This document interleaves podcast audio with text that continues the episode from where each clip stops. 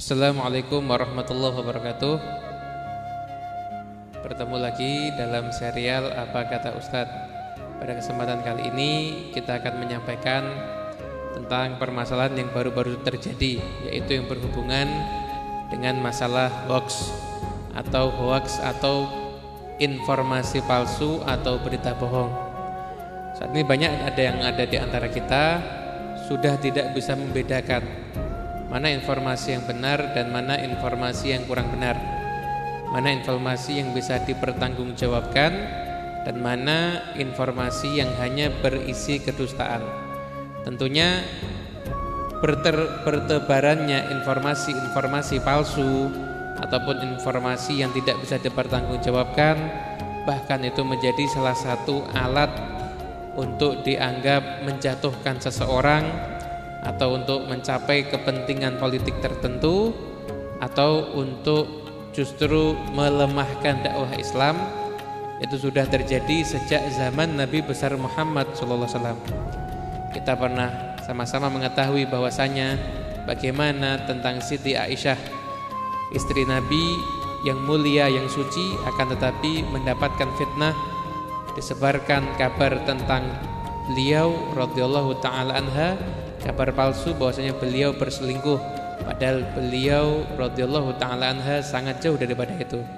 Begitu juga tentang kisah-kisah yang lainnya yang menyebutkan bahwasanya terjadi satu penyebaran kabar palsu.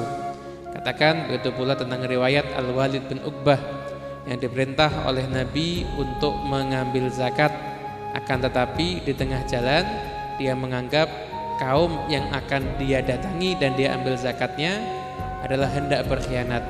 Lalu dia pun pulang dan menyampaikan kabar tentang dugaannya kepada Nabi besar Muhammad SAW.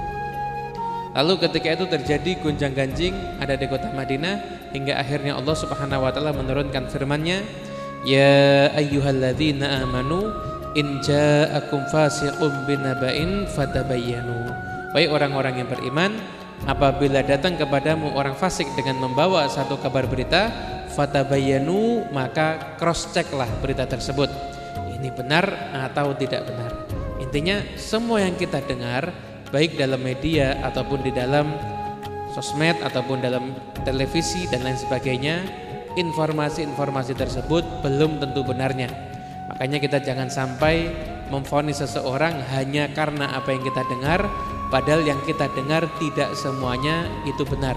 Apalagi kita ikut menyebarkannya Katakan oleh Nabi dalam satu hadis, kafa bil mar'i kadaban ayuhadditsa bikulli ma sami'a. Cukuplah seseorang itu dianggap berdusta apabila dia menyampaikan semua apa-apa yang dia dengar. Oleh karena itu, perlu kiranya kita menutupi serial singkat ini dengan kisah seorang yang bijak. Suatu ketika ada orang yang bijak didatangi oleh seorang temannya. Orang tersebut mengatakan, "Wahai orang yang bijak, saya punya kabar tentang temanmu. Orang itu mengatakan, sebelum engkau sampaikan kabar ini, saya punya tiga tes. Kalau tiga tes ini lulus, saya mau dengar kabar dari kamu. Yang pertama, kabar ini yang mau kamu sampaikan baik atau buruk? Oh kabarnya buruk, oh ya sudah, satu tes gagal. Kemudian, kabar ini benar atau tidak? Dijawab, ya saya nggak tahu kebenarannya karena saya dengar dari orang lain. Berarti tes yang kedua gagal. Dan yang ketiga bermanfaat atau tidak untuk saya? Ya tidak bermanfaat. Kalau begitu tes yang ketiga juga gagal. Buat apa kita mendengar kabar tentang orang lain yang satu kabar tersebut isinya keburukan, kedua belum tentu kebenarannya dan yang ketiga kabar itu tidak sama sekali tidak bermanfaat untuk agama kita. Kiranya cukup. Wassalamualaikum warahmatullahi wabarakatuh.